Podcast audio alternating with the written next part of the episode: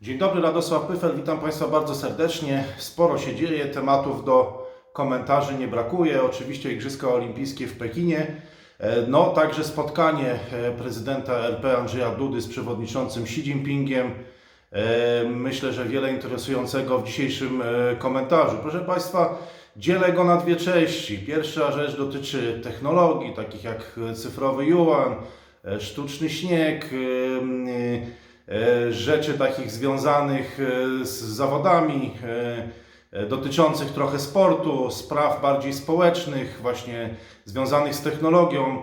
E, No a druga część już jest bardziej geopolityczna, e, dotyczy takich subtelnych rozgrywek dyplomatycznych, taka wstępna analiza oświadczeń oficjalnych i zdjęć, które już się pojawiły po dzisiejszym spotkaniu prezydenta RP Andrzeja Dudy z przewodniczącym Xi Jinpingiem. Także dzielimy ten komentarz na dwie części, serdecznie zapraszam.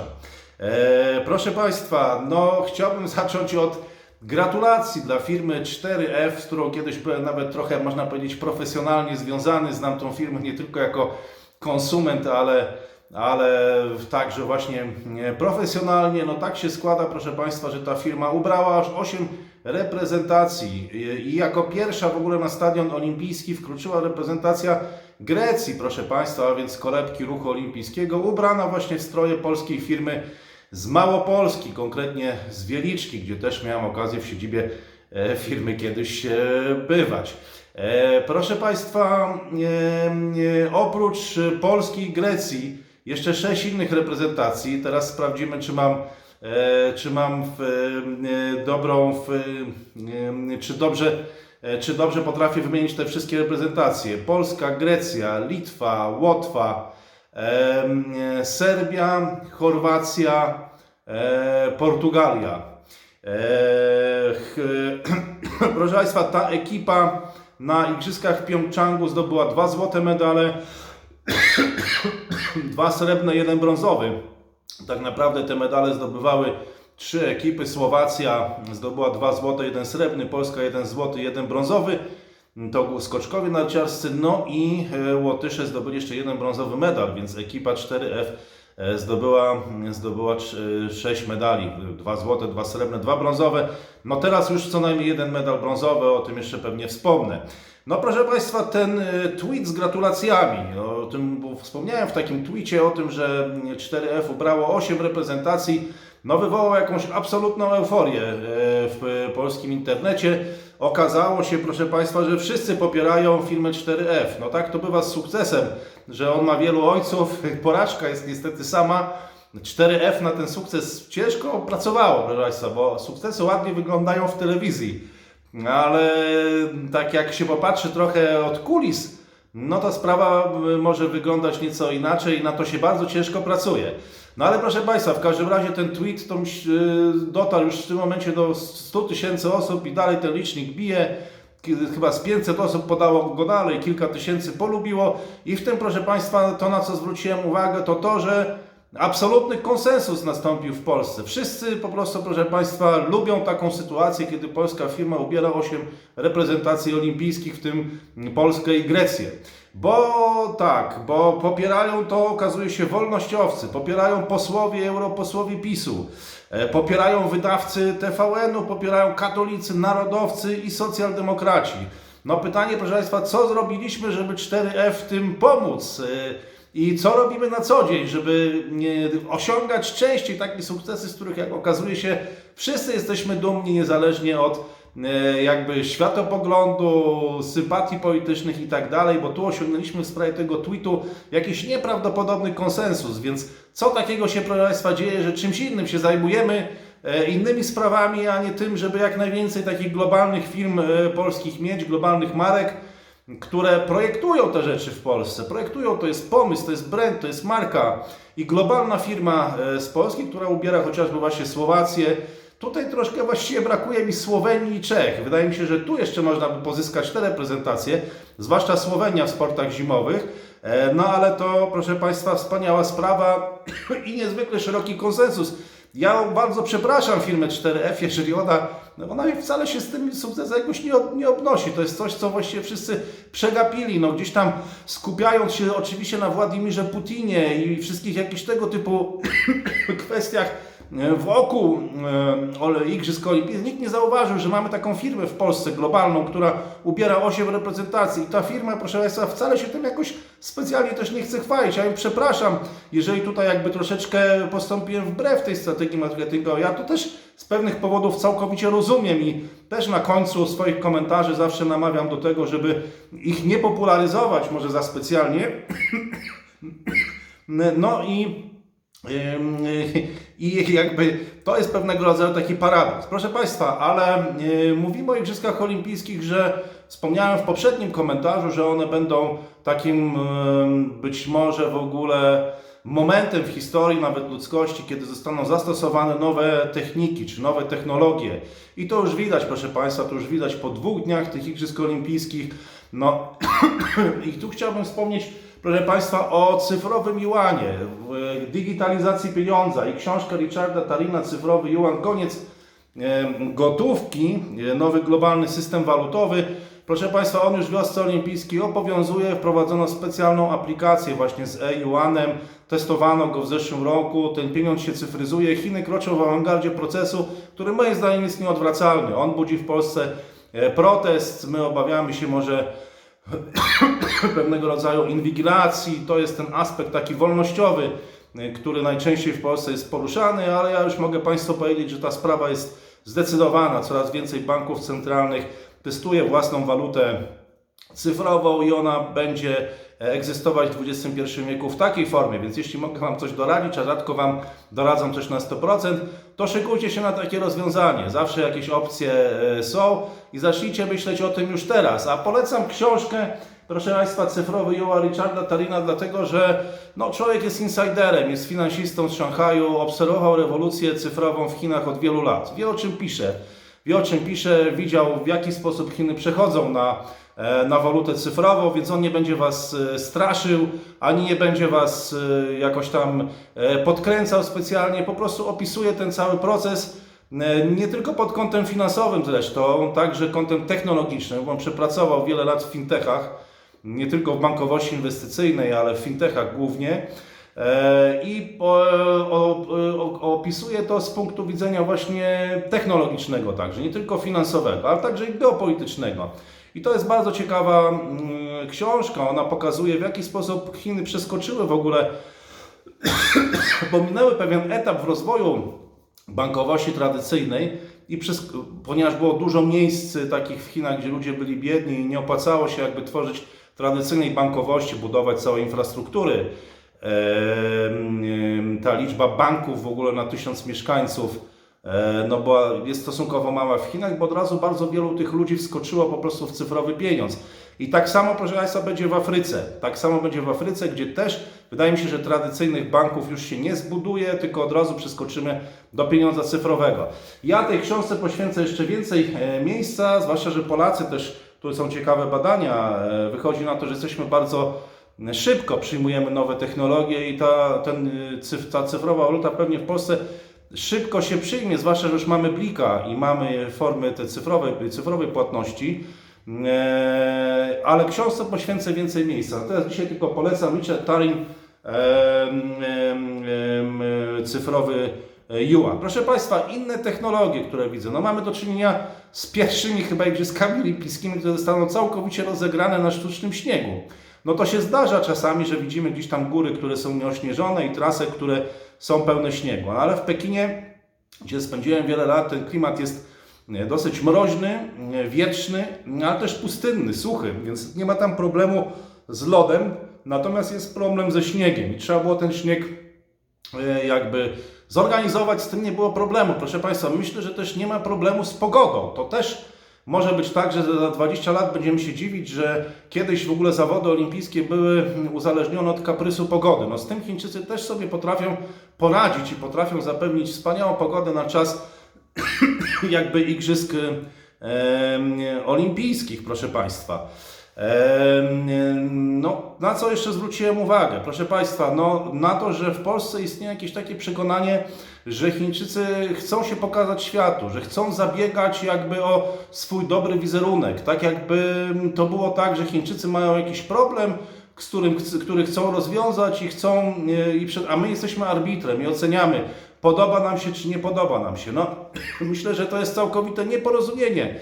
Nieporozumienie. To nie są Chiny z 2008 roku, to są już Chiny z 2022 roku, bardziej technologicznie zaawansowane, dużo bogatsze, dużo też pewniejsze siebie i one nie zabiegają e, o jakby naszą pozytywną opinię i to już widać, proszę Państwa. No, gdyby zabiegali, to nie zamykaliby sportowców też w izolacji, no chociażby Natalii Maliszewskiej, która straciła szansę medalową na swoim koronnym dystansie, dlatego że test kilkukrotnie pokazał wynik pozytywny. Raz pokazał negatywny, ale potem znowu pozytywny.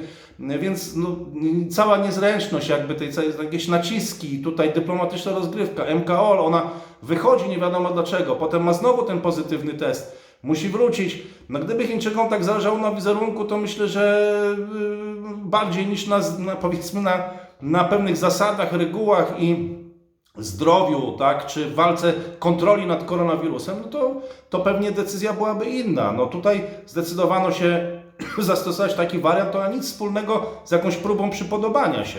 Tak samo myślę, że fakt, iż y, y, znicz olimpijski zapaliła również, bo to były dwie kobiety, i właśnie to było ważne, że kobiety, e, dwie kobiety i w tym narciarka e, pochodzenia, znaczy Ujgurka po prostu, tak, z Chińskiej Republiki Ludowej. I to taka, której ojciec też był reprezentantem Chin i też Ujgurem, proszę Państwa, więc no, nie była jakaś wybitna zawodniczka. Ona w tym biegu e, łączonym na 15 km w narciarstwie klasycznym zajęła 43 miejsce, tracąc blisko 6 minut do Teresy Jochałk. Izabela Marcisz była 16 ze stratą chyba dwóch minut niecałe. No ale gospodarze chcieli pokazać w ten sposób istotną rzecz. Doceniamy kobiety, doceniamy Ujgurki też, doceniamy Ujgurów, ale mm, robimy tak, jak nam się podoba. To jest na naszych zasadach, na naszych warunkach i po prostu nic Wam do tego. Jak Wam się nie podoba, no to trudno, bo cały bojkot dyplomatyczny, proszę Państwa, dotyczył jakby sytuacji Ujgurów. No to tymczasem Chińczycy pokazali dobrze Ujgurów też i Shi Peng, chińskiej tenisistki. No to pokażemy w takim razie, że, mm, e, że może, może z nic, mogą z nich zapalić kobiety i może być to też Ujgurka. E, no i co nam zrobicie? I co nam zrobicie? Proszę Państwa, no trochę na zasadzie nie mamy pańskiego płaszcza i co Pan nam zrobi? To się bardzo często zdarza, e, zdarza w, no w, w, na wschodzie powiedzmy, ale to pokazuje, że mamy do czynienia raczej z wilczą dyplomacją. E, niż z jakąś próbą przypodobania się. I te nasze oczekiwania, że Chińczycy tam będą tu próbowali jakiś łagodzić swój wizerunek, jest całkowicie już e, nie na czasie. To już się wszystko zmieniło. To jest wilcza dyplomacja zamiast soft power. Nie podoba Wam się, a my będziemy robić tak, jak chcemy. I co nam zrobicie? To jest odpowiedź. Proszę Państwa, no na razie w tej igrzyska w, e, całkiem pozytywnie, bo sukces Dawida Kubackiego no, który też należy do tego teamu 4F. Mm, e, tam także sukces sympatycznego Japończyka Ryoru Kobayashi, e, którego e, no, imię i nazwisko można przetłumaczyć Kobayashi, to jest mały las, mały las naciskający na wzgórze, proszę Państwa. No ale od tego wzgórza Ryoyu Kobayashi zdecydowanie odleciał w tym konkursie olimpijskim i zdobył złoto. To jego wielki sukces, wielki sukces też naszego zawodnika i wielki sukces też prezydenta Dudy, który bezpośrednio po spotkaniu z Xi Jinpingiem pojawił się tam na skoczni, nawet mignął gdzieś w telewizji, gdzieś tam w tej strefie mieszanej, gdzie kręcili się serwismeni, właśnie medaliści, e, zawodnicy, właśnie Ryoyu Kobayashi, Dawid Kubacki. Nie wiem, czy powstało jakieś zdjęcie. Widziałem, że tam był i pan prezydent, i pan ambasador, przybijali piątki e, właśnie z, z zawodnikami no, myślę, że szczególnie dla prezydenta to była szczęśliwa sytuacja, że zaraz po, e, po spotkaniu z Xi Jinpingiem jako kibic sportowy też wielki miłośnik narciarstwa, no mógł się tam znaleźć gdzieś w tej strefie ze sportowcami. E, proszę Państwa, no ale teraz przechodzimy już do rzeczy bardzo poważnych. E, No bo w Pekinie doszło do spotkania prezydenta Andrzeja Dudy z przewodniczącym Xi Jinpingiem. E, Drugiego dnia, pierwszego dnia Xi Jinping spotkał się z dziesiątką e, przywódców e, i drugiego dnia przyszedł czas na spotkanie z prezydentem Andrzejem Dudą. Przez długi czas nie ukazywały się na ten temat żadne oficjalne materiały ani żadne zdjęcia. Dopiero już koło północy czasu chińskiego pojawiły się takie, takie, pierwsze, takie pierwsze zdjęcia. E, No i proszę Państwa, pierwsze relacje i reakcje w polskich mediach no, potwierdzają tezę, że właściwie, e, że właściwie tyl, że odchodzimy już od tej doktryny, że tylko Zjednoczony Zachód miał być gwarantem bezpieczeństwa. To powiedział też prezydencki minister Andrzej Dera w kawie na ławie w TVN e, no, już o 16, o 17 gdzieś chińskiego czasu, e, że mm, no, także zabiegamy o to, aby w Pekinie przedstawiać swoją wizję stosunków międzynarodowych i swój pogląd na bezpieczeństwo w regionie. E, No to jest taka też polska specjalność, bo swego czasu minister Rao zarzucił również Stanom Zjednoczonym, że one popełniają błędy w relacjach z Rosją, dlatego że są źle poinformowane, że to jest kaskada błędów, ponieważ się nie słuchają Polski, że Polska jest lepiej poinformowana, ale to stanowisko nasze nie jest brane pod uwagę. No teraz, skoro nie jest brane pod uwagę przez Amerykanów, no to teraz y, chcemy informować Chińczyków, żeby oni, może oni czegoś nie wiedzą w, w, w świecie XXI wieku, gdzie jest taki natłok informacji, może czegoś jednak nie wiedzą, może mogą się dowiedzieć y, od nas. No ale to oznacza odejście od tej doktryny, że robimy wszystko, żeby zjednoczyć ten Zachód. No tutaj była inicjatywa zjednoczenia Zachodu pod y, hasłami liberalnymi przez Joe Bidena. E, Myśmy wybrali inną drogę, no drogę, która zawiodła nas do Pekinu, żeby tam artykułować jakby swoją wizję e, i swoje, e, swoje spojrzenie na stosunki międzynarodowe. Proszę Państwa, no chińskie media całkowicie pomijają podnoszoną w Polsce tą, ten główny temat, czyli kwestię bezpieczeństwa. W ogóle kwestia wizerunku Polski w chińskich mediach to jest ciekawa kwestia, bo on jest dużo gorszy niż w chińskim MSZ. Tam w chińskim MSZ no to jednak jest pewien efekt tych wizyt, trochę pracy ministra Rała w ostatnim roku. Natomiast w mediach jest on tragiczny, no co tu dużo mówić. Pols wizerunek Polski w mediach jest tragiczny, co poniekąd jest trochę, wydaje mi się, efektem tego, że wizerunek Chin w polskich mediach z kolei też jest e, tragiczny. No i tam wspominano głównie o tym, współpracy z 17 plus Europa Środkowa Chiny, e, o hubie logistycznym, inwestycjach w infrastrukturę, projekty transportowe i technologiczne, podniesienie poziomu współpracy m, właśnie na wyższy poziom w tych e, e, dziedzinach.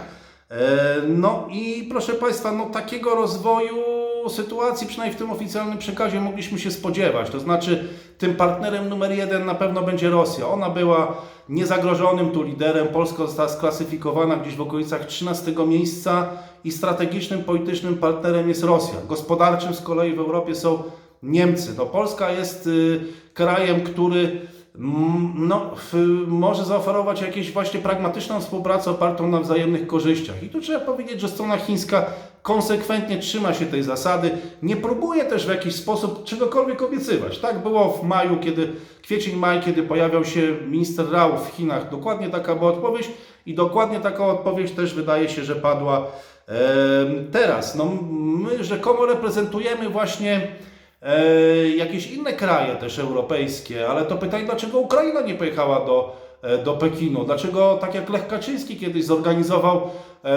kilku prezydentów e, regionu, dlaczego teraz e, pojechała sama Polska, a nie na przykład z prezydentem Zeleńskim, skoro, e, skoro, skoro pracujemy nad tym? E, proszę Państwa, no więc pierwsze mm, e, zostawiam Państwu linki, te doniesienia medialne, one są trochę czymś innym e, niż, e, czymś innym niż e, niż e, oświadczenie MSZ-u, które się e, ukazało. No i to, proszę Państwa, to oświadczenie MSZ-u to już jest bardzo ciekawa sprawa. E, Bardzo wiele jest tam wątków czy e, takich smaczków, to wymaga oddzielnej analizy. Do tego zachęcam też na naszych seminariach czy webinariach, bo tu już nie będziemy mieli czasu. Ja też nie jestem jakimś wielkim zwolennikiem dyskutowania takich niuansów e, w, tak zupełnie otwarcie. E, To może zanudzić wielu, e, wielu, wielu widzów też. Ale proszę Państwa, tam ani razu wprost nie pada w tym oświadczeniu chińskiego MSZ-u słowo Ukraina i też ani razu nie ma, ani razu nic y, nie ma odniesienia do współpracy w zakresie bezpieczeństwa, jest trochę o dialogu, właśnie pokoju w regionie, o tym, że będziemy dyskutować, dużo o tradycyjnej przyjaźni, dużo o dobrych relacjach prezydenta Xi Jinpinga z Andrzejem Dudą, o tym, że Andrzej Duda dotrzymał słowa, podobno 5 lat temu obiecał, że się zjawi, czy 6 lat temu, że się zjawi na otwarciu Igrzysk Olimpijskich i tego słowa dotrzymał. Em, e, Jest dużo o nowym jedwabnym szlaku, dużo o współpracy gospodarczej, właśnie infrastruktura, logistyka, kultura, wymiana międzyludzka, kultura fizyczna, e, e, w formacie Chin-Europa Środkowa. Uważny obserwator, proszę Państwa, znajdzie tam wiele interesującego, no ale to nie jest tak, że jest jakiś tutaj strategiczny sojusz, proszę Państwa, rozbicie tego sojuszu rosyjsko-chińskiego. Nie, tam się pokazuje bardzo e, no taki powiedziałbym idyliczny w ogóle wizerunek e, Władimira Putina jako wyjątkowego partnera i Chińczycy bardzo delikatnie się odnoszą do tych kwestii właśnie dialogu, pokoju w regionie. To jest tak napisane, żeby można było powiedzieć, że to było dyskutowane, a z drugiej strony w żaden sposób widać tak, no, czytając między wierszami, że to nie była raczej główna, główny temat tych rozmów. Te główne tematy były inne. Zachęcam Państwa do zapoznania się z tymi oświadczeniami, za, za, załączam linki. Eee, może będziemy mieli szansę o tym podyskutować jeszcze na oddzielnych e, spotkaniach, do tego też zachęcam. Eee, to jest e, temat do długiej dyskusji. Proszę Państwa, polecam książkę nie tylko Cyfrowy Juła, ale też Biznes w Chinach, jak odnieść sukces w chińskim świecie. Możecie Państwo otrzymać ją z pisem autora, nawet ze specjalną dedykacją. Ta książka widzę, że odnosi sukces w księgarniach również, co jest dużym zaskoczeniem, ale takim przyjemnym osobiście dla mnie, jako, jako tej osoby, która przeprowadziła te 20 rozmów e, no, z wybitnymi e, praktykami ludźmi, którzy naprawdę mają olbrzymie, olbrzymią wiedzę na temat rynku chińskiego i w ogóle rynków pozaeuropejskich. E, Proszę Państwa, bardzo dziękuję za dzisiaj. Życzę dużo zdrowia wszystkim. E, Za chwilę muszę wystąpić w TVP Info, potem w Polsacie Sport, więc trochę się tego e, zebrało. E, Proszę o niepopularyzowanie tego komentarza. E, 4000, które przewiduje algorytm, jak dla mnie jest ok. E, Natomiast jeżeli on nie zawsze Państwu te filmy podpowiada, to prośba o powracanie. Zawsze w piątki, niedzielę możemy się spotkać, może czasem jeszcze przy innych okazjach i w inne dni. Em, Życzę dużo zdrowia, zapraszam na seminaria, webinaria. Teraz będzie azjatyckie od marca. Zachęcam do nauki języka chińskiego. Możecie wtedy poczytać e, oświadczenia różnego rodzaju też. E, Dużo się dowiedzieć, co się dzieje w cyfrowym świecie chińskim i nie tylko. E, No i cóż, na dzisiaj tyle. Dziękuję bardzo, kłaniam się i do zobaczenia przy kolejnych okazjach. A jest, proszę Państwa, co komentować i na pewno nie raz jeszcze się spotkamy. Kłaniam się, wszystkiego dobrego.